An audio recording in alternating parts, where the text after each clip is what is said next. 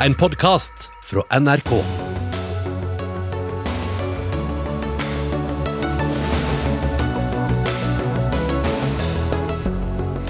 Den nasjonale scene i Bergen avlyser nå alle forestillinger fra og med mandag. Den sju uker lange kulturstreiken brer om seg. Det er en hjerteløs streik, sier frilansere som taper oppdrag i fleng. To kreftpasienter er nå døde etter at de og åtte andre fikk spredning etter å ha deltatt i en kreftstudie ved Hordaland universitetssykehus. Over 3000 ledere i offentlig sektor tjener mer enn statsministeren, til stor irritasjon for venstresiden. Middelmådige ledere koster langt mer, sier investor. Og hva slags eh, sikkerhet finnes på filmsett, spør Dagsnytt 18 etter at eh, skuespiller og produsent i USA klarte å skyte og drepe filmfotograf på sett. Ja, dette er noen av sakene i fredagens Dagsnytt 18 med Espen Aas. Senere i sendingen skal vi også innom de lekkede dokumentene som avdekker at Norge og flere andre land har hatt innvendinger for å påvirke rapport fra FNs klimapanel. Men først så går altså teppet ned for samtlige forestillinger på Den nasjonale scene i Bergen fra og med mandag. Årsaken er den pågående kulturstreiken som har pågått siden begynnelsen av september. Altså omtrent da Norge gjenåpnet. 900 ansatte ved en rekke teaterscener er tatt ut. Nye 200 tas ut fra mandag. Problemet er en strid rundt pensjon for fastansatte med tariffavtale ved teaterne, men den rammer også en lang rekke frilansere og selvstendig næringsdrivende som ikke får jobbet så lenge de fastansatte er i streik. Dagsnytt 18 har gjennom store deler av denne konflikten forsøkt å få partene, hovedsakelig LO Stat og arbeidsgiverforeningen Spekter, hit til studio for å utdype konflikten. Det har de kontinuerlig takket nei til, også i dag. Samtidig er altså frustrasjonen stor blant eh, de ikke-fast ansatte som da ikke får jobbet så lenge denne konflikten pågår. Flere av dem har nå også skrevet under på et opprop som eh, etter planen skal publiseres i Aftenposten i helgen. Blant navnene finner vi deg, Vidar Magnussen, kjent eh, for mange som, som skuespiller og komiker, men i denne sammenhengen er du invitert hit som regissør. Du er ikke i streik, men du får likevel ikke jobbet. Hvordan har denne streiken påvirket ditt levebrød? Eh, den har gjort sånn at jeg ikke får lov til å gå på jobb. Eh, og det syns jeg er en vanvittig vanskelig situasjon å være i. Eh, og jeg tenker jo da først og fremst på alle frilanserne som etter 18 måneder med pandemi mister utallige jobber, eh, kommer ut av pandemien og blir kastet til side i en streik som ikke handler om de. Ja, for dere er da, som er poengtert nå, dere er jo ikke fast ansatte. Og en av de viktige tingene for dere når Norge blir gjenåpnet igjen, er jo å, å, å, enten sette opp nye ting på, på, på scener, eller stå på scenen selv. For det å være til stede er uendelig viktig for, for videre oppdrag.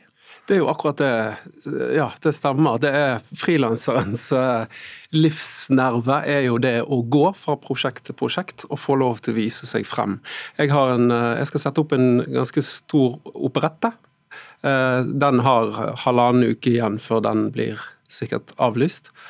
Der er jo det masse frilansere som står på scenen. Ja, jeg skal debutere, men det er fullt av frilansere der som ikke får vise seg frem, og ikke da får Eh, kommet seg eventuelt til en neste jobb. Eh, og opera, det, det, er ikke mange forestillingene vi har, så den, den lever jo et, lever i en tynn tråd nå. Mm. Og, mange er sinte og, frustrerte over at ikke de får lov til å jobbe, eller kan, kan jobbe. I en, I, en, konflikt som de ikke er en del av, mm. som du sier. Men mange syns også det er vanskelig å kunne si fra at dette er, er en konflikt som, uh, som, går utover dem? Ja, altså jeg, eh, jeg syns det er svært ubehagelig å sitte her nå. Jeg uh, hadde lyst til å løpe når jeg satt her ute i sted, og det har jeg følt på helt siden jeg sa ja til å komme her. Hvor, hvorfor det? Det er fordi at eh, jeg har kolleger som er blitt truet med å bli svartelistet. Det er tilfeller der de blir truet med å ikke bli tilbudt nye jobber hvis de uttaler seg offentlig om denne streiken. Hvis de snakker til media om denne streiken. Eh, det syns jeg er et ganske stort faresignal i, eh, i denne, ja, denne situasjonen. Eh, fordi Vi vet jo da at, mange av de streikende blir da frustrert over de som snakker negativt om, om streiken, fordi de mener da at arbeidsgiversiden tar, tar dette til inntekt for, for sitt syn, som ikke vil komme da de streikende i møte når det gjelder pensjonsordningen, som vi straks skal snakke litt mer om. Ja, og der har jeg bare lyst til å nevne at det snakkes jo veldig mye om å være solidarisk. Og hvis du tar fatt i det ordet solidarisk, så handler jo vel det, tror jeg, om å ta de svakes part. Eh, nå, eh, på den syvende uken i denne streiken, vil jeg si at frilansere definitivt er den svake part. Så nå forventer vi at de fast ansatte er solidarisk med oss. Men eh, sju uker eh, vart så langt. Den utvides fra mandag. Det er 1100 fast ansatte i streik. Det er vel 15 teatre rundt omkring i, i, hele landet. Sett sammen med pandemien som eh, var forut for, for streiken. Hvor, hvor, alvorlig er denne streiken for kulturarbeidere? Den er vanvittig alvorlig. Etter 18 måneder med pandemi så eh, må vi nesten bare erkjenne at publikum de har begynt å avvenne seg med å se eh, kultur eh, som vi lager. Mm. Eh, det er allerede en vanvittig vanskelig jobb å få de tilbake inn i huset, eh, og det forverres nå dag for dag pga. dette. Som sagt så vil altså verken eh, LO Stat eller Arbeidsgiverforeningen Spekter diskutere den saken i, i, studio eller kommentere den på noe annet eh, vis her. Men kommentator Anita Hoemsnes i, i Dagens Næringsliv, du har fulgt den mens den har, har pågått. og det er jo ja, så, så, Som vi hører her i studio, en, en veldig spesiell uh, streik. Fordi den, den, rammer litt annerledes enn de, de, klassiske streikene vi har. Men hvor langt unna hverandre står partene? Ja, Det kan du lure på. Altså, hvis du ser på det altså, Til nå da, så har det gått sju uker. Nå på onsdag så ble, møtte partene hverandre i mekling hos Riksmekleren, men kom heller ikke da til enighet. Men i etterkant så kom eh, Spekter med et tilbud som, skulle man tro, matcha perfekt det som LO har krevd. Eller de partene som har krevd, da. Og det er at de skulle få på plass en kjønnsnøytral og livsvarig pensjon. Til tross for det, så sitter vi altså her eh, nesten to dager senere uten at streiken er avlyst. Og Da begynner jeg å mistenke om at dette kan kanskje ligge et litt større teppe eller bilde bak hele streiken. Fordi LO har jo kjempet lenge for at hybridpensjon, som egentlig er det de streikende vil ha, skal bli den eh, allmenne eh, pensjonsordningen da må jeg bare stoppe deg raskt, Hoemsnes. Eh, for, for hva er en eh, hybridpensjon, og hvordan skiller det seg fra den ordningen de har i dag, hvis du klarer å forklare det noenlunde forståelig og kort? Ja da, det kan jeg klare å forklare. Eh, det som man har i dag, det er innskuddspensjon. Da betaler arbeidsgiver inn et innskudd hver måned, og så trenger ikke arbeidsgiver å gjøre noe mer. Resten av ansvaret for pensjonen er på arbeidstaker, altså de som nå streiker og de som har innskuddspensjon. Hva som blir av pensjon, det vet vi først når eh, de skal gå av, sånn ja, første gang 62. Da kan de se hvor store disse innskuddene som har blitt plassert i rente- og valutamarkeder og aksjemarkeder overalt, hvor stort det er blitt. Så dermed ansvaret veldig mye på, på den ansatte. Hybridpensjon det er en, for så vidt en innskuddspensjon i opptjeningen, men den er kjønnsnøytral. Det betyr at det betales eh, økte premier til kvinner, fordi kvinner har en gjennomsnittlig høyere levealder enn menn. Og den er livsvarig. Den varer livet ut. Eh, den gir også en slags sånn nullgaranti. Dvs. Si at du er garantert at du ikke taper avkastning på pensjonen. Ergo så deles ansvaret mye mer mellom den ansatte og arbeidsgiver. Mm. Og, og, Det sistnevnte er jo da det som eh, LO eh, krever eh, her. Men når en streik har vart så lenge, vi har for så vidt mange, mange lange arbeidskonflikter, men det er sjelden den strekker seg over sju-åtte uker. Hoemsnes gjør ikke det det også enda vanskeligere for noen å gi seg? Jo, det gjør egentlig det. Men samtidig så og Det som er så pussig, er jo at denne streiken har på en måte foregått litt i det stille. Nettopp som uh, Martinsen sier, så har vi jo vent oss til dette. Uh, Magnussen, unnskyld. Uh, har vi vent oss til dette å ikke gå i teater og ikke gå på scener sant, gjennom pandemien. Så når de gikk ut i streik, så var det liksom ja vel, hva er det vi går glipp av? Det vet vi ikke, for vi har ikke vært der på en stund. Og samtidig, når man da ser at streiken egentlig burde fått sin ende, i og med at Spekter har jo gitt seg. Eh, de har jo kommet tilbake til, eh, til eh, de fagforeningene til, og sagt at de skal få en kjønnsnøytral og livsvarig pensjon.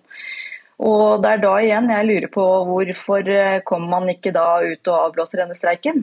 Man har jo fått det man ønsker. Mm. Og Jeg tror det handler om veldig at ikke ordet hybridpensjon er nevnt i det tilbudet til Spekter. Mm.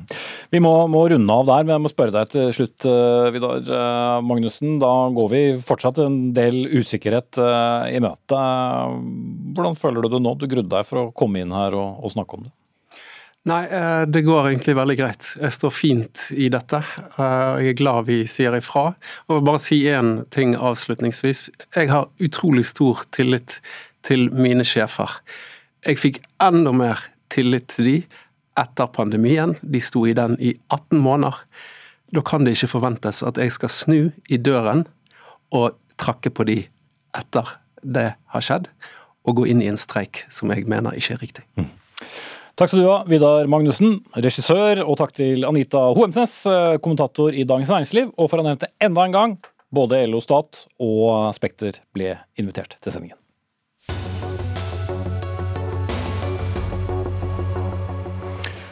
Så skal vi høre at eh, budsjettkutt ble til barselkutt, og det på landets eh, største fødselssykehus. Vi snakker om Oslo universitetssykehus, eh, avdeling Ullevål som det heter, der en av to barselavdelinger på onsdag ble stengt, og det som følge av nettopp budsjettkutt. Jordmorforbundet har reagert på at det kuttes i tilbudet til de fødende, og det samme gjør dere i organisasjonen Barselopprøret, der du er nestleder Cecilia Ingulstad. En eh, organisasjon, eller et opprør, som ble startet under koronapandemien. Dere har i dag sendt brev til administrerende direktør og ledelsen ved sykehuset, med så langt 1000 underskrifter.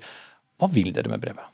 For det første så ønsker vi å bevege ledelsen til å revurdere stengningen og åpne igjen så fort som mulig. For det andre så ønsker vi å gjøre allmennheten oppmerksom på at landets største fødeavdeling nok en gang setter økonomi foran kvinner og barns helse og velvære. Mm. Vi snakker da om en, eh, altså landets største fødselssykehus med mm. det mest erfarne personalet i hele landet når det gjelder også å ta imot. I, I, hvor stor grad er dette en risiko da for fødende, når det er blitt gjort en vurdering fra, fra ledelsens side? Jeg vil gjerne presisere at Nå snakker vi om barselavdeling, så dette går hovedsakelig utover gravide kvinner og deres familier som er innlagt på observasjonsposten for gravide, og barselkvinner og deres familier. Og jeg mener denne stengningen er eh, svært problematisk av mange grunner, men jeg vil gjerne trekke frem tre. Det første gjelder hensynet til de gravide som ligger og deres familie på observasjonsposten. Her ligger kvinner med alvorlige komplikasjoner i svangerskapet. Det kan være at mor er syk, at det er alvorlige eh, tilstander hos fosteret. Og det er også her familier som nettopp har mistet barnet, kan skjermes. Og det sier seg selv at de ikke eh, må utsettes for barnegråt og lykkelige familier med friske barn. Det er en svært stor påkjenning. For det andre har jo Ullevål sykehus nå, med litt lavere antall fødsler, faktisk en sjanse til å gi kvinner den barselomsorgen de har krav på. Og for det siste så vet vi noe fra pandemien hva det betyr at partene ikke får være med kvinnen etter fødsler. Og nå betyr det jo faktisk at partene må sendes hjem, mens man har en hel barselavdeling som står tom. Mm. Den som eh, skal svare for dette, er deg, Torbjørn Broksten, eh, seksjonsleder ved fødeavdelingen på, på Ullevål. Eh, hvorfor er det fødeavdelingen som må kuttes? Ja, jeg er her for å forklare og ikke forsvare. Jeg har viet mitt liv til å stå i bresjen for fødende kvinner, og ikke minst kvinner i barsel. Nå er det slik da at i 10.6.2020 så var daværende helseminister Bent Høie på banen og ba faktisk helseforetakene om å prioritere barsel og fødsel både på, på alle landets uh, fødeavdelinger. Dette har ikke skjedd grunnet mangel på øremerkede midler. Eh, etter det så har vi fått beskjed om, som alle avdelinger, å drive med det som kalles for effektiviseringstiltak. Mm. Vi har avbyråkratiserings- og effektiviseringsreformen ABE, som da skal redusere driftsutgifter med en halv prosent hvert år. ja, For oss er vi på 2 da. Og det er 2% vi egentlig ikke har. Eh, og da har man satt seg sammen for å finne ut hvor kan vi gjøre det hvor det skal svi minst for de gravide og kvinner i barsel. Og Det er den tiden som er fra september til eh, desember. Og Så har man da lagd et prosjekt hvor vi har fylt opp alle fødestuene og barselplassene på Rikshospitalet, som er vår andre avdeling. Og så har vi da i prinsippet altså vesentlig mindre fødende per måned nå enn vi har ellers. altså Fra 850 til omtrent 600. Så den reduksjonen gjør at vi har mulighet for å gjøre det. Eh, og Dette er jo da et pålegg som dere fikk fra en regjering som har gått av. Dagsnytt 18 har da invitert den nye helseministeren til å svare på dette. Hun takket nei. Det samme gjaldt Arbeiderpartiets stortingsgruppe. Men hvis vi går på det forsvarlige, da, som Ingulstad er, er bekymret over, eh, kan du som seksjonsleder stå ved det tilbudet som nå er det? Vi har daglige møter, og rett før jeg kom hit i dag så hadde vi møter nettopp for å se på forsvarligheten. Eh, nå er det slik at eh, I går var det ganske travelt, så vi har åpnet fire rom på, barsel A. Eh, og vi hadde et møte angående fordeling av jordmødre. og til enhver tid så sørger vi for det. og Dette er et prosjekt, om du vil en pilot, for å se om dette lar seg gjøre. Så vi vil hele tiden kunne revurdere og vurdere fortløpende. Det har vi da gjort. Eh, og innenfor det så kan vi mene at det er forsvarlig. Eh, og vi da eh, har faktisk like mange på jobb som vi hadde hatt ellers, slik at vi klarer å fordele personalet. Mm.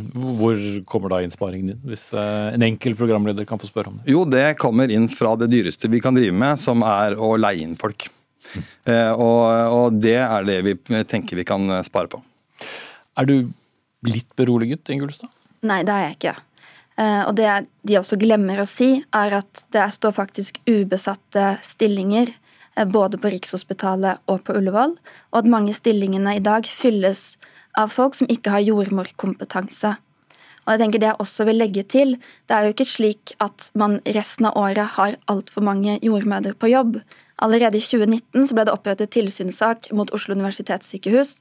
og Det gikk særlig på at barselavdelingen hadde fått økt arbeidsmengde uten at det var økt eh, bemanningen.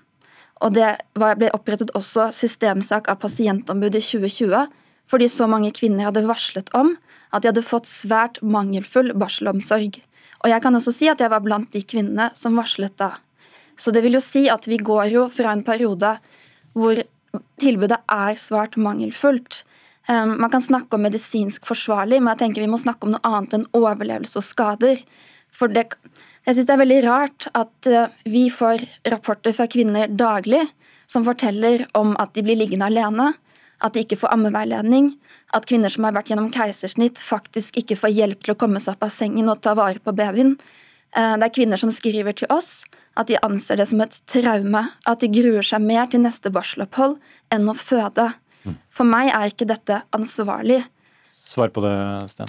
Det skal jeg gjøre. Eh, jeg gikk visitt senest i dag både på Obs-posten og på varselavdelingen. Og, og vi, vi, følger tett med. Nå er det slik at eh, Obs-posten, altså den posten du benevner som da har de syke gravide, den bruker vi til barselavdeling også ellers i året. Dette er ikke noe unikt for den, dette prosjektet. Eh, det gjør vi når det er for fullt på barsel, nettopp for å kunne gi enerom osv. Spesielt nå så har vi enerom til, til flere enn vanlig, fordi at det er det behovet. Så det ivaretar vi. Og så er det dessverre slik, og jeg er helt enig med deg, at det er ikke godt nok. Det er for få jordmødre på sykehusene våre, og det har en større politisk bakgrunn. Med andre ord, vi har utdannet for få jordmødre. Personlig jobber jeg på jordmorskolen så godt jeg kan for å få flere inn. Disse sykepleierne som vi har ansatt på barselavdelingene, dette er kjempeflinke arbeidere og som gjør en, en, super innsats. Men jeg er helt enig med deg at vært eh, at altså, jordmordekningen er altfor lav. Mm. Men det er vanskelig å finne ut hvor man skal kutte, og, og dette er besluttet å være det stedet hvor konsekvensene da er minst? Ja, i den perioden av året hvor vi regner at konsekvensene er minst. Og jeg eh, skulle gjerne ønske som deg, er programleder, at vi hadde hatt eh, vår nye helseminister her. fordi Der vi to er helt enige, er det at det å snakke om å styrke fødsel- og barselsomsorgen hjelper ingenting. Heller ikke å snakke med lederne for Helse Sør-Øst. Det er én ting som hjelper, det er øremerkede midler. Hvis ikke får øremerkede midler, så vil pengene bare flyte ut og heller ikke gagne de som vi er her for. Og vi to er jo helt enige om at det å, styrke barsel, og det er til og med regnet på dette her på LSI, at det å styrke barsel i, eh, for en, en, en nasjon, det gir netto pluss. Mm. Slik at dette er et regnestykke som egentlig går veldig enkelt i hop. London School of Economics, eh, for de som lurte på hva LSI var. Eh, vi må runde av, men, men Ingulstad, for å si det sånn, er det et program mange politikere hører på, så er det nettopp eh, dette. En siste hilsen fra deg. Ja, og der kan jeg si jeg er helt enig med Torbjørn.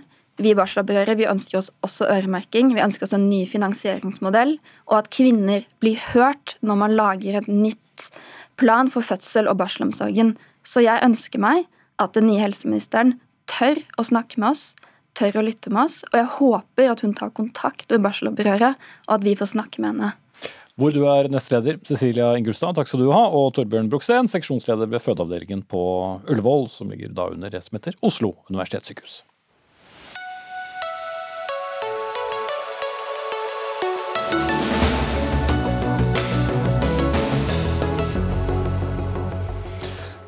Du hører eller ser Dagsnytt 18. Klokken er 18.21 den, og skal bare nevne noe vi skal snakke om mot slutten av sendingen. For da skal vi snakke om lekkede dokumenter som avdekket at eh, land som Norge hadde innvendinger for å påvirke. En rapport fra FNs klimapanel, noe Greenpeace kaller flaut og skammelig.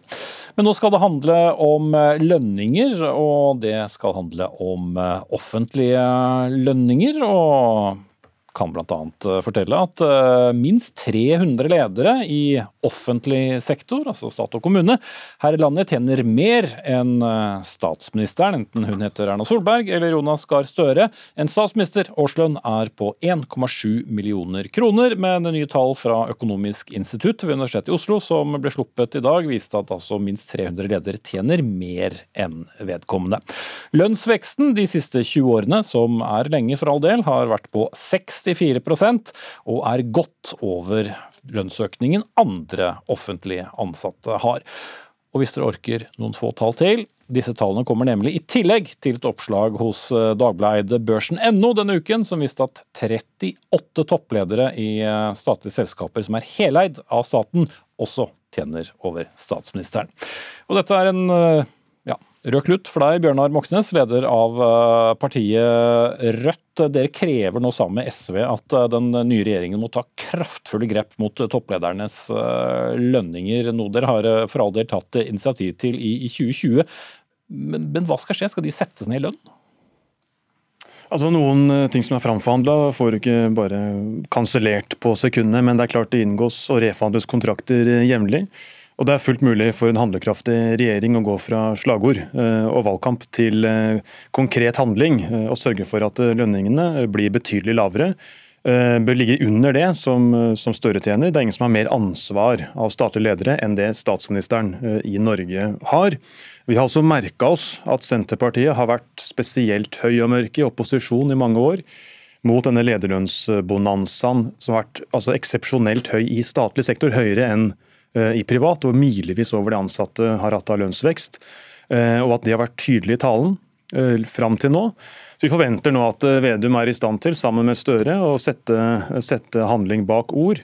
Og sørge for at ved alle nyansettelser, ved alle reforhandlinger, så skal moderasjon gjelde, og ingen skal tjene mer enn det Støre har. I alle offentlige selskaper? Ja, selvsagt. Eh, I staten, i kommunen og der hvor også staten eier eh, selskapene fullt ut. Heleide selskaper, ikke selskaper hvor staten er en aksjonær, som i Equinor og andre? Jo, gjerne også der. Eh, bakteppet her er jo at Arbeiderpartiet og Senterpartiet sier, som Rødt, at det å bekjempe Forskjells-Norge er blant de største uh, jobbene vi har som et samfunn og få gjort noe med. Uh, og Da vet vi at når det gjelder inntekt, så har de 10 høyest lønte dratt fra de 10 lavest lønte. Det har skjedd ikke minst på de borgerliges vakt.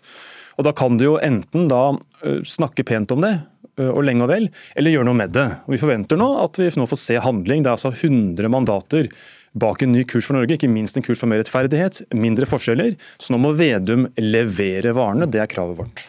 Vi har ingen uh, Vedum her. Vi har dog uh, med oss uh, en som i hvert fall har vært glad i bøker om, om Senterpartiet. Jan Petter Sissener, investor. Du er med oss på, på, på, linje. Du har kalt det tåpelig å benytte statsministerens lønn på 1,7 millioner som noen målestokk på, på lønnsnivå i, i topp, til toppledere i hele og, og deleide statlige selskaper. Hvorfor det? Det er mange årsaker til det. Eh, jeg tror, som vi sikkert har erfart alle, så er eh, verden i ferd med å globaliseres, og konkurransen om de skarpeste hodene er global. Har, norske lederlønninger er ikke spesielt høye, og det dyreste vi kan gjøre er å få middelmådigheter eh, inn i ledelse, enten det er av statlige eller private foretak. Mm. Ja, hva konkret mener du med det, Sissener? Ja, altså, vi, vi, kan jo ta et enkelt eksempel. Hvis du tar oljefondet og Nicolai Tangen, han gikk jo betydelig ned i lønn da han fikk stillingen.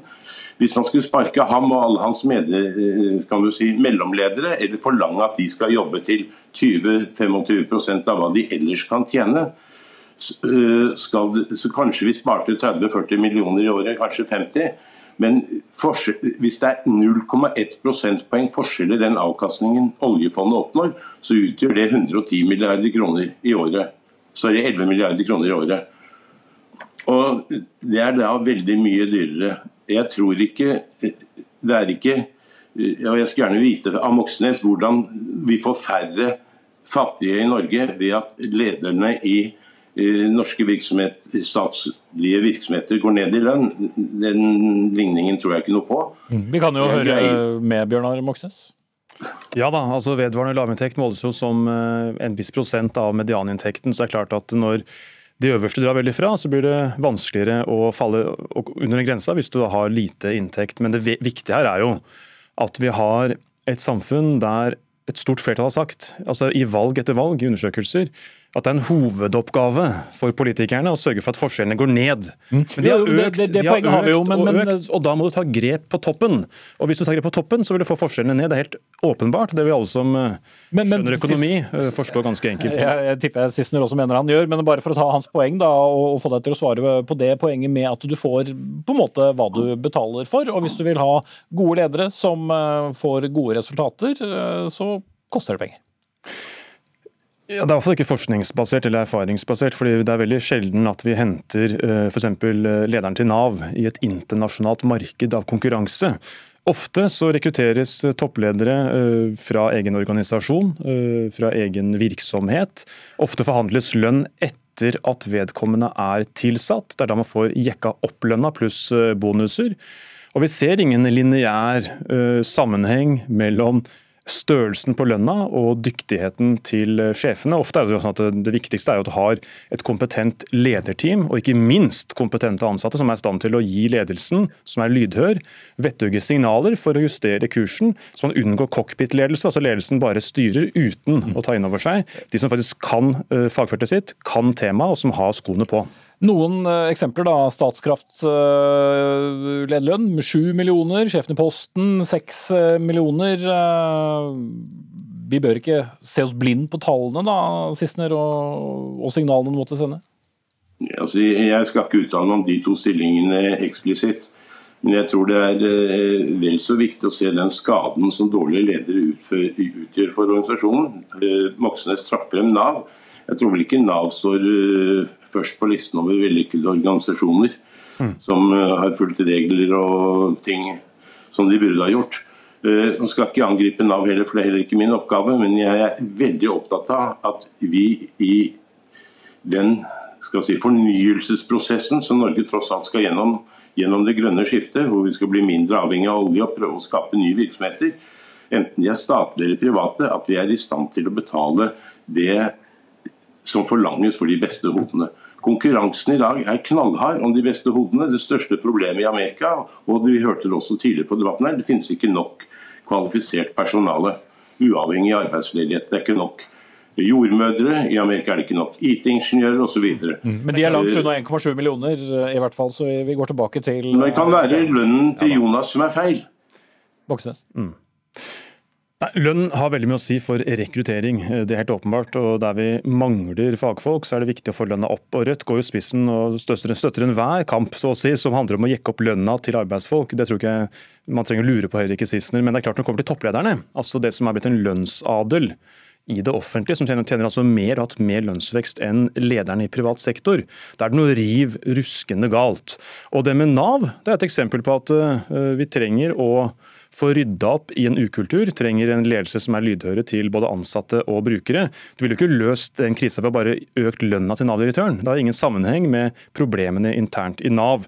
men, men poenget er vel hvem du får. Nå kommer han for fra, fra skatteetaten, da, så veien var ikke så lang. Men uh, man tar vel gjerne en jobb uh, for å bli betalt. Og det er ja, ikke en og hvis det er sånn ideologi. at det som motiverer deg til å lede Nav, er at du skal kunne cashe inn la oss si 5, 6, 7, 8, 9 millioner i året, så er du kanskje ikke rett rette person for den jobben.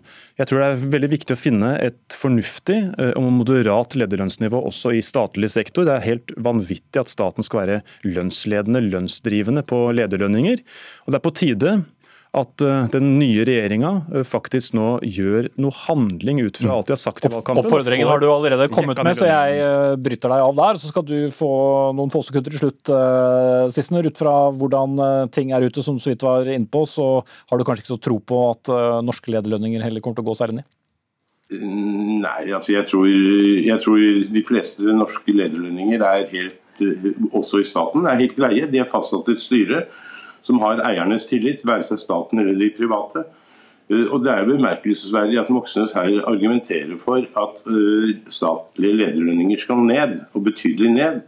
Eh, det skulle vært morsomt og interessant å høre hva han syns en stortingsrepresentant er verdt. Ja, det, det, er vel ingen på Stortinget som har gått ned i lønn for å gå inn på Stortinget?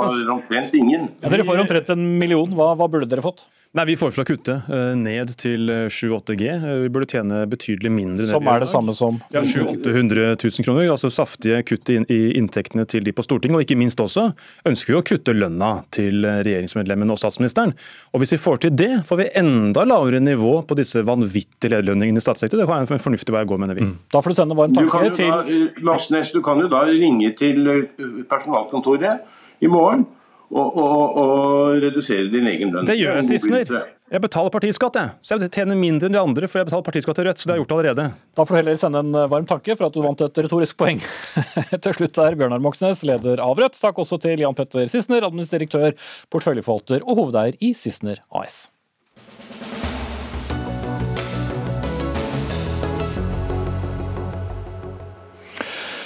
Da skal vi gå videre til en uh, alvorlig sak som har uh, vakt en del oppsikt de siste dagene. Uh, og I dag ble det kjent at to personer som deltok i en endetarmskreftstudie på Haukeland universitetssykehus i Bergen, de ble bekreftet døde nå i ettermiddag. I går ble det kjent gjennom bl.a. Aftenposten at til sammen ti personer hadde fått spredning etter å ha deltatt i den samme studien. En studie som ble stanset i november i fjor, da alvorlige feil ble oppdaget og det undersøkes nå om det var eh, deltakelsen i studien som gjorde pasientene sykere. Marta Ebbing, du er fagdirektør ved forsknings- og utdanningsavdelingen i, i, Helse Bergen. Eh, hva var det som vi vet ble gjort galt i, i studien? For det første så vil jeg si vi er jo veldig lei oss eh, på Haukeland universitetssykehus for, for denne feilen, som besto i det at denne forskningsprotokollen eh, som beskriver hvordan studien skal foregå, og hvordan pasientene skal inviteres inn i studien, den ble ikke fulgt til punkt og prikke. Det var særlig en eh, bestemmelse som gjaldt hvordan en skulle vurdere Hele studien gikk jo ut på at istedenfor å, å operere pasienter med endetarmskreft som først hadde fått behandling med stråling og kjemoterapi, altså cellegift, så skulle man vente og se eh, om de trengte kirurgisk operasjon. for å unngå unødvendige kirurgiske operasjoner. Sånn at flere kunne leve videre uten å få f.eks. utlagt tarm. Mm. Men, Men, i denne studien så viste det seg at noen av våre forskere da, de fulgte ikke denne protokollen helt nøyaktig med å, hvordan man vurderte at disse pasientene egnet seg for å være med i denne vente og se-studien. For da skulle man vurdere om svulsten eh, Om det var tegn til at det var rester igjen av svulsten etter at det var strålt og kjeme, eh, behandlet med cellegift. Mm. Men, men, det var der eh, skjedde. Skjønner. Man, man, man, har da altså ikke sett kreften hos noen, og, og da at enkelte hadde fått, fått spredning. Spørsmålet står jo fortsatt igjen, og jeg skjønner at ikke dere er ferdig gransket, men hvordan kan noe sånt skje? Altså, det gjenstår litt egentlig å finne nærmere ut av, men eh, det var nok antageligvis litt sånn eh, faglig uenighet og til dels usikkerhet i akkurat hvordan disse her vurderingskriteriene skulle brukes på, altså hvordan det skulle virkelig dokumenteres at svulsten var eh, forsvunnet før man ventet og så. Eh, og så er det jo ikke sånn at eh, det er fullstendig klarlagt hvor mange dette gjaldt enda, så det pågår jo en intern granskning i studien som både er lokal og nasjonal, med flere studiesteder i Norge. Ole Alexander Oppdalshei, du er assisterende generalsekretær i Kreftforeningen og med oss fra Bodø. Hvordan ser dere på denne saken? Nei, først og fremst så er det jo veldig veldig trist for de pasientene det gjelder. Og så er det jo alvorlig dette at man da ikke har fulgt denne studieprotokollen. For det er jo noe sånn at intensjonen med denne studien har jo vært bra for å se det om, om mindre behandling kan gi et like godt resultat. Men akkurat i den type studier så er det jo spesielt viktig at man følger protokollen til punkt og prikke, og følger opp de pasientene det gjelder. Så det vi hører her, det er alvorlig. Mm. Men samtidig forstår du også utfordringen eh, hos, hos Ebbing på, i Helse Bergen? Ja, men eh, som jeg har sagt, at dette med kliniske studier er jo veldig viktig. og Det er det som da skaper fremskritt i behandlingen. Og så er vi jo veldig heldige i Norge det at eh, det er stor tillit blant pasienter til å delta i, i kliniske studier, som skaper medisinske fremskritt. Men skal vi opprettholde den høye graden av tillit, så er det jo viktig at man har et veldig godt regelverk for kliniske studier. Det skal gjennom etiske godkjenninger bl.a. Og det er jo da ekstremt viktig at man nå klarer å følge de retningslinjene, den, den, protokollen man da er blitt enige om, sånn at man kan være trygge på at uh, pasientene skal føle seg godt ivaretatt, også i et klinisk studie. Mm. Med oss på... Og det, og det ja, vær så god. Jeg vil jo si at jeg støtter jo eh, Kreftforeningen 100% her i det de er bekymret for. Og vi er jo sammen for akkurat dette med å mm, ha det, gode kliniske studier å rekruttere. Og, og, vi er jo veldig lei oss, vi følger jo disse pasientene ekstra nøye nå, og de er godt informert om det som har skjedd. Vi, vi, vi, noterer oss dette. Morten eh, Brenningen, du er eh, onkolog eller kreftspesialist da, og, og, nestleder i, i, fagrådet Norsk gastrointestinal eh, cancergruppe, eller NGICG kolorektal. Og Dere er da en frivillig organisasjon bestående av, av leger som er representanter for de ulike sykehusene som gjennomfører denne studien som vi snakker om. I tillegg så skriver dere også det nasjonale handlingsprogrammet program og retningslinjer for nedre mage-tarm-kreftbehandling. Og Grunnen til at du er med, er at deres leder er prosjektleder for denne eh, studien, Norway, men valgte i går å trekke seg fra fagrådet deres. Eh, hva er det som har skjedd her? Nei, dette er en litt lengre prosess, som, som, eh, for så vidt har vært en viktig del av inn mot denne studien. fordi Vi har jo diskutert og, og gått gjennom en del av disse resultatene over en litt lengre periode. Og det har vært ganske sterk kritikk mot eh, han som fagleder. Og, og, som du sier, dette, dette er jo et, eh, et verv, en, en, oppgave som vi gjør i tillegg til å ha fulle stillinger for øvrig. Så dette er nok eh, et resultat av ganske stor belastning over lengre tid. Så det er ikke sånn at denne studien alene har vært årsaken til at han ønsker å gå av og, og få en avløsning, men at det er et litt sånn totalt eh, arbeidspress som eh, gir seg utslag i dette. Mm. Eh, men eh, hva forteller dette da om, om denne studien? Nei, altså det, jeg tror Det viktigste å si er at uh, dette er jo en studie som uh, stort sett har vært gjennomført helt etter, etter gjeldende retningslinjer, bortsett fra da disse tingene som vi har diskutert uh, for øvrig. sånn at det, det, er jo en studie som nå skal gås gjennom nøye med en monitorering, og hvor vi skal få de endelige resultatene. Og så må man huske litt på, Jeg har hørt litt på forskjellig, bl.a. på radio i dag, hvor det snakkes om at det har vært pasienter som dør i studien. og Da må man huske at dette er jo en gruppe pasienter som har ganske avansert svulst, og som får en forbehandling med strålebehandling og cellegift.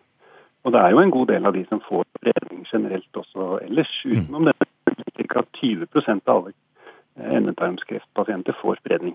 Mm.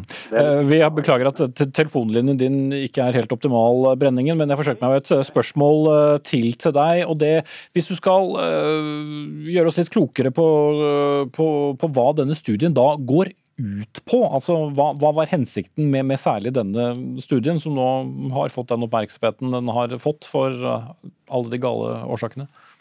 Altså, det som er viktig er jo at Dette er jo en pasientgruppe som, som uh, utgjør en ganske stor gruppe hvert år i Norge. Ca. 1200-1300 pasienter som får uh, endetarmskreft. Og så er det jo Primærbehandlingen har vært å gi dem en eller annen form for forbehandling, eller at de opereres direkte. Men denne gruppen av pasienter har da fått så god effekt av cellegiftbehandling og strålebehandling at de da kan følges over tid og forhåpentligvis da slippe å opereres. Og det var som vi var inne på innledningsvis her, at da kan de slippe å få utlagt tarm, altså slippe å få stomi. Mm. Men de skal jo da følges veldig tett, for det eh, standardbehandlingen er jo kirurgi. Og øh, da uh, forstår vi at uh, her har dette, denne studien da blitt nødt til, til å, å, å, stanse. og så er det avdekket feil i studien også ved andre sykehus. Kan du gi oss litt mer informasjon om årsaken har vært her? Altså, jeg har kommentert litt rundt det når det gjelder kliniske studier. Dette er jo en del av, det som skjer i hverdagen på sykehuset. sånn at Dette registreres jo inn når pasientene både får strålebehandling og cellegiftbehandling, og når de kontrolleres videre. Og Så skal disse dataene da inn i eh, registreringsskjemaer, såkalte CRF, som man går gjennom til slutt. Og så er jo denne monitoreringen det avgjørende til slutt. Så det, det som kan være i en litt travel klinisk hverdag, er at ikke alle opplysninger er registrert helt eh, 100% som det skal. Og Da skal en sånn monitorering avdekke det, sånn at vi får en, eh, en komplett eh, studie til slutt. Mm. Eh, det er mange detaljer her, Marta Ebbingen, du skal få slippe, slippe, til nå. Men er det da riktig å forstå at det er nettopp det som Brenningen snakker om som monitorering? altså man, ikke, man har ikke fulgt godt nok med på de pasientene som har vært inkludert i studien, særlig da ikke de ti som var tilknyttet Haukeland? Man har fulgt godt med på de, og det var Haukeland selv som eh, fant disse tallene urovekkende. Og, eh, og, rapporten fra dette var det som gjorde at eh, studien ble stoppet. altså Dvs. Si at inklusjonen ble stoppet da i, i fjor høst. Men det som er viktig for meg å si også, er at generelt så har vi gode systemer for klinisk forskning i sykehusene. Vi, men vi kan alltid bli bedre, og vi vil jo lære av denne saken så godt det lar seg gjøre. Og vi har jo også derfor nå, eh, etter en konferanse med Statens helsetilsyn, altså en telefonkonferanse, bestemt at vi sendte inn denne saken for om mulig å få en helt ekstern gransking av hele studien og, og eventuelt eh, Mm. videre tiltak der. Ja. Og, og, Nå jobber vi med dette for å få trekke lærdom av det, og vi vil bli bedre. Og så må jeg bare si nok en gang at vi er veldig lei oss og beklager på vegne av eh, disse pasientene og kreftpasienter generelt, og håper at ikke de eh, nå har blitt eh, skremt. Og hvor tidlig kan vi vente Hvor tidlig kan vi da vente å få et eksakt svar på hva som gikk galt i studien, og hvorfor disse ti pasientene fikk denne spredningen? Ja, nå vil jeg spille litt ball med Brenningen også, men uh, vi venter jo også på en, uh, en, total gjennomgang av de nasjonale tallene. Dette er jo små tall, så det, er, det kan være tilfeldigheter oppi det hele. og det, det, er derfor det er så vanskelig å vurdere helt konkret om det er en direkte årsak Eh, til at noen pasienter har dårlig utfall enn det som statistisk skulle vært forventet mm. i dette tilfellet. Så, så, så når vi får svaret, jeg håper jo at denne faggruppen klarer å, å lage en, en, god gjennomgang og en rapport som vil bli tilgjengelig for alle i løpet av uh, ikke altfor lang tid. Mm. Du kan få tillegg kort til slutt, Brenningen. Ja, vi hadde en gjennomgang på møtet i går, en foreløpig fremleggelse av dette. sånn at det er på veldig god vei at den monitoreringen kommer i mål. Mm. Og Da blir det en, en, rapport og en analyse av det, og så blir jo viktig nå å kartlegge om det er spesielt. Mm. Vi får til mye i uh, dagens teknologi. En telefonlinje i 2021 er tidvis utfordrende, dessverre. Så jeg må bare beklage at linjen til Morten Brenningen uh, på slutten her ikke var så god. Takker også til Marta Ebbing, fagdirektør ved forsknings- og utviklingsavdelingen ved Helse Bergen, og Ole Alexander Oppalsheim, assisterende generalsekretær i Kreftforeningen.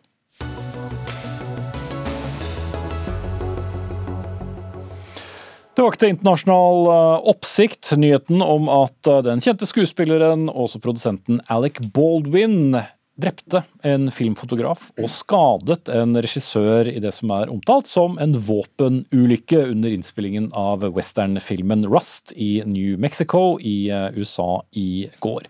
Politiet har bekreftet at det var Baldwin som fyrte av våpenet, som har vært omtalt som et rekvisittvåpen med løs ammunisjon. Baldwin har nå, idet vi startet sendingen, kommentert saken. Vi siterer Det finnes ikke ord som kan uttrykke mitt sjokk og min sorg vedrørende vedrørende den tragiske ulykken som tok livet til Helene Hutchins, som altså var fotografen, en kone, mor og dypt beundret kollega. Jeg samarbeider fullt ut med politiets etterforskning for å finne ut av hvordan denne tragedien hendte. Vi har altså ikke noen svar, men eh, denne veldig spesielle saken eh, har gjort at vi bl.a. invitert deg, Pål Morten Verven, som er eh, daglig leder i Fikseren, som driver da med effekter og, og stunt et våpen på et filmsett som attpåtil klarer å ta livet av noen, men som omtales som en rekvisitt. Hva slags tanker gjorde du deg da denne nyheten sprang i morges? Mm, jeg stusser litt over bruken av ordet rekvisitt, ja. Fordi at uh, Ja, vi behandler det som våpen. Alltid. Mm. Og for oss er det ikke Selv om det er en kopi eller noe annet, så har vi rutiner for å behandle det som våpen. Mm. Men, men, ok, eh, en kopi, altså, men, men, på et sett, hva slags våpen har man? For Man ser jo ikke akkurat for seg at man stiller med, med ekte revolvere eller pistoler, eh, selv om man skal bruke det på sett. Nei, altså, Det kan være forskjellige behov. Sånn at vi opererer med våpen i en skala, på en måte. ikke sant, Hvor kan man, så bruker man et plastikkvåpen, gummivåpen som det ikke er så nøye med. Ofte skal man bilder av litt detaljbilder av et våpen, og da er man nødt til å gå til noe som er mer troverdig eller riktigere. Eh, skarpe våpen, som er liksom ytterste enden av skalaen, det skal vi alltid unngå. Det har vi ikke på sett. Det er hovedregel at man har ikke skarpe våpen på sett. Så fins det en annen ett nivå ned, om du skal kalle det som vi kaller filmvåpen. Det er ikke et fullverdig plombert våpen, men det er et våpen som er bygget om til bare å kunne skyte løsammunisjon. Men her må det jo da ha vært et uh, prosjektil, uh, og ikke, ikke, bare en kruttlapp, for å si det sånn? Nei, dette blir jo bare spekulasjoner, for vi vet ikke akkurat hva som har skjedd. Men uh, sånn som det fremstår, så virker det som det har vært et skarpt våpen der. Mm. Og, og, rutiner da på, på, et sett for dere som jobber med det, bare for å avklare det også, når man har da et, det du kaller et filmvåpen? Mm. ja, det er sikkerhet på flere nivåer. Det ene er dialog med politi, som vi alltid har. Så når vi er ute med våpen, så har vi alltid dialog med, med politi, sånn at de vet at vi er der vi er. Særlig når vi er ute i bysituasjoner og sånne ting. Men også om vi er litt ute i terreng. Da. Ehm, det, den ene, men den viktigste, det er på settet. På filmsettet så har vi god kontroll på våpenet, og selvfølgelig tett dialog med skuespillere om hvordan de skal håndtere det, og hva som faktisk skal skje, og at de aldri skyter på skuespillere med løsammunisjon heller. Aldri sikte våpenet på noen, eh, nei. nei. Eh, vi har med oss også Espen Horn, eh, filmprodusent for Netflix' nye storsatsing i Norge, 'Troll'. Du er da på, på innspilling, noe som vel blir ganske actionfylt, som en som, som er, er, på sett. Hvordan reagerte du på, på denne spesielle nyheten som kom fra USA? Det er jo som Pål Morten sier, Man blir jo helt sjokkert, for at, uh, dette er jo ikke noe som skal skje, og som jeg ikke har hørt om tidligere. Uh, jeg leste i VG at det skjedde i 1993 sist gang, med sønnen til Bruce Lee. Uh, og Vi har jo veldig strenge prosedyrer, veldig strenge regler. Og helt tydelige, spesifikke ikke spesialutdannede eh, mennesker som gjør dette her med sertifikat, og som da tar vare på våpen og eksplosiver og alt mulig som går innenfor spesialeffekter. Så dette her skal jo ikke skje. Eh, så Man blir jo sjokkert, og så lurer man på hva som har skjedd, selvfølgelig. Eh, og Det kan vi jo bare spekulere i, som Morten sier, og vente på, på svar. Mm. Men som eh, produsent selv, da, som nå jobber med, med, med denne Troll, hvor det også er action-scener, action beklager veldig rar uttale på, på det ordet. Hvor, hvis du skulle tatt oss raskt gjennom hvordan du og dere ville jobbet dersom dere trenger et, et våpen som i hvert fall så langt det er mulig ligner på et ekte?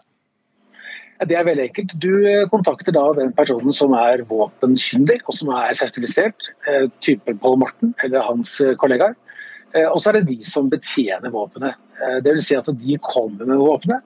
Det er de som også tar vare på våpenet under innspillingen. Det er også de som sørger for at våpenet er riktig gjort for scenen, og viser til innspillingsleder om det er tomt eller om det er en blank ammunisjon inni. Eh, og som sørger for at sikkerheten er ivaretatt. I tillegg så har de en tydelig brifing til hele crewet, hvor jeg er til stede, eh, om hva som er sikkerhet, hva som skal gjøres, hva som ikke skal gjøres, hvor man skal gå, hvor man skal ikke gå, og hvordan man skal te seg. Og Så har man en helt tydelig sikkerhetssone, dvs. Si en sone hvor folk ikke skal gå inn i. Mm. Så rutinene rutinen er helt tydelig. Pål Morten Verven som eksperten her, da. Jeg må jo stille spørsmålet uansett hvor topplig det måtte høres ut, men, men, kunne denne hendelsen som eh, skjedde da i New Mexico, ha skjedd i Norge? Ikke hvis de rutinene vi bruker blir fulgt. Så dette er, eh, som, som også Horn eh, påpeker, helt eksepsjonelt? Ja. ja.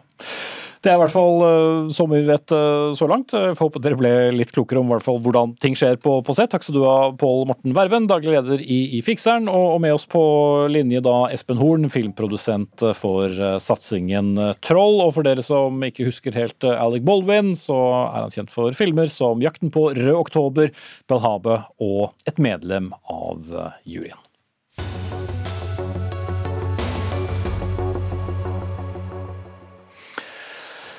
Mange la merke til oppslaget fra BBC på nettet i går eh, om at flere land, herunder Norge, skal ha forsøkt å påvirke en FN-rapport om tiltak mot klimaendringer. Rekkede dokumenter viser at regjeringer, selskaper og andre aktører har hatt mer enn 32 000 innvendinger til forskerne som utarbeider rapporten. F.eks. har land som Saudi-Arabia, Australia og Japan bedt FN om å nedtone behovet for en rask omstilling bort fra fossilt brensel.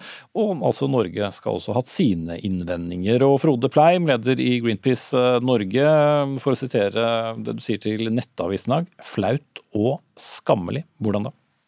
Det er flaut og skammelig, fordi eh, Norge lobber jo eh, verdens fremste klimaforskere. FNs klimapanels eh, rapporter er jo det beste kunnskapsgrunnlaget, og med respekt å melde så burde land som Norge, Saudi-Arabia og Brasil ta utgangspunkt i det, og ikke gjøre det til politikk. Men eh, er det ikke bare rett og rimelig at et eh, land som eh, driver med, med, energiproduksjon som Norge også kommer med innspill på nettopp hvordan vi gjør det? Vi vet jo alle hvordan norsk energiproduksjon omtales av både politikere og, og bransje i Norge. Det er ikke noe overraskende at Norge og andre land gjør dette. Det, følg penga, heter det. Og da ser vi jo hvorfor Norge har den posisjonen som de har. Det som, er, eh, som gjør oss eh, provoserte, er at uh, i dag så er det ti dager til skjebnetoppmøtet om klima starter i Glasgow. Vi har ikke tid til mer politisk spill. Vi trenger klimahandling. Og da, da bør faktisk politikerne våre, også i mandatet til forhandlingsdelegasjonene, både når det gjelder rapporter og møtet i Glasgow, fokusere utelukkende på klimahandling, ikke spill. Mm. Nå har vi ingen politiker politikere i studio, men eh, Camilla Schreiner, eh, seksjonsleder i Miljødirektoratet. Det er jo dere som da representerer Norge i internasjonale møter i FNs klimapanel. Driver dere med lobbyvirksomhet på Norges vegne? Nei, vi gjør ikke det, altså. Og vi er opptatt, som Greenpeace-leder her, at dette viktige toppmøtet som kommer nå, f.eks., at politikerne skal ha det aller beste vitenskapelige grunnlaget for å utvikle god klimapolitikk. Mm. Men hva, hva, er det da som har skjedd eh, rent konkret her? For uh, det, var, det, var, mange som la merke til nyhetene fra BBC i går. Ja, Da må jeg rett og slett få lov til å forklare prosessen, altså, hvordan vi jobber med dette. her. For vi, altså, eh, klimaforskere forfatter eh, rapporter. I denne omgang så er det tre store delrapporter. De er typ sånn 2000 sider tjukke. Og Så tar forfatterne videre og lager et sammendrag for beslutningstakere. Summary for policymakers. Det er det også forfatterne som skriver. Og det sammendraget det skal på en måte være aller beste vitenskapelige grunnlag for, for politikkutforming. Som skal være politikkrelevant, men ikke politikkførende.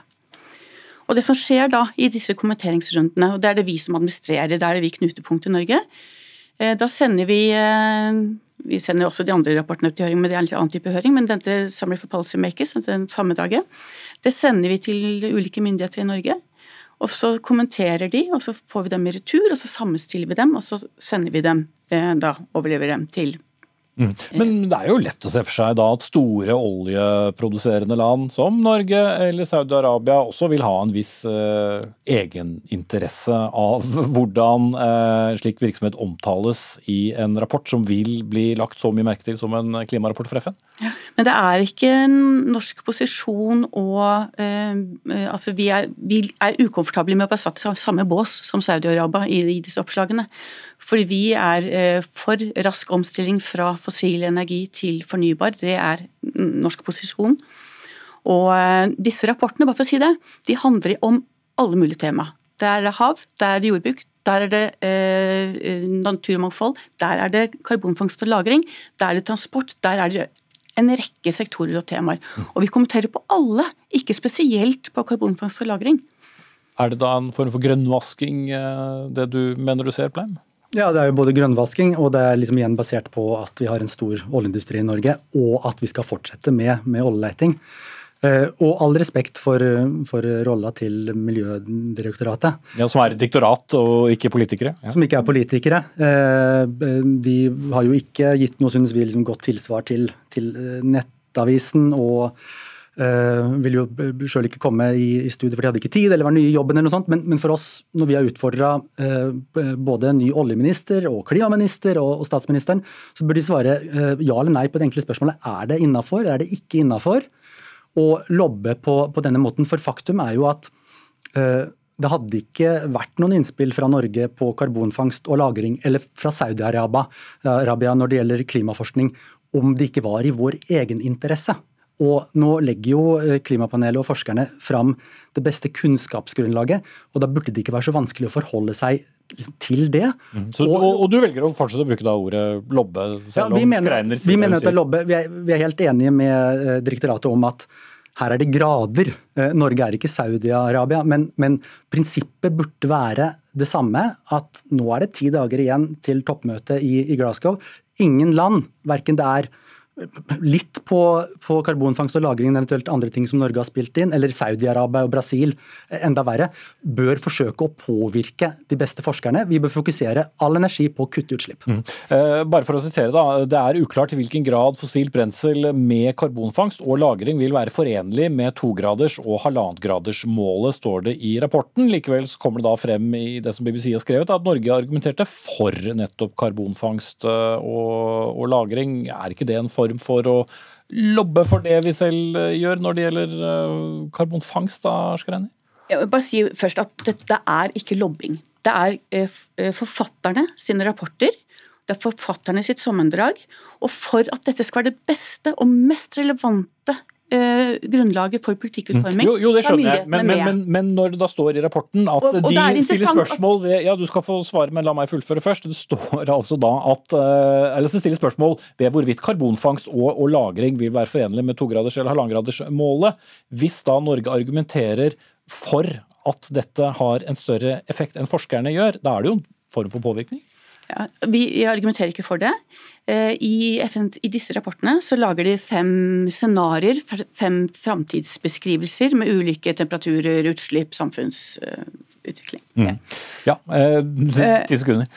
Eh, og eh, Det er ingen av scenarioene som ikke har med det at også de aller mest framoverlente scenarioene har med at man må fange karbon for å klare eh, målene i Parisavtalen. Jeg ser en finger hos Frode Pleim med Greenpeace, men vi rekker ikke å ta den. Takk til deg og Camilla Schreiner, seksjonsleder i Miljødirektoratet. Gro Arneberg var ansvarlig for eh, innholdet i denne sendingen. Hanne Lunås tok seg av det tekniske. Jeg heter Espen Aas. Vi tar en bitte liten helg, og så er vi tilbake igjen på mandag.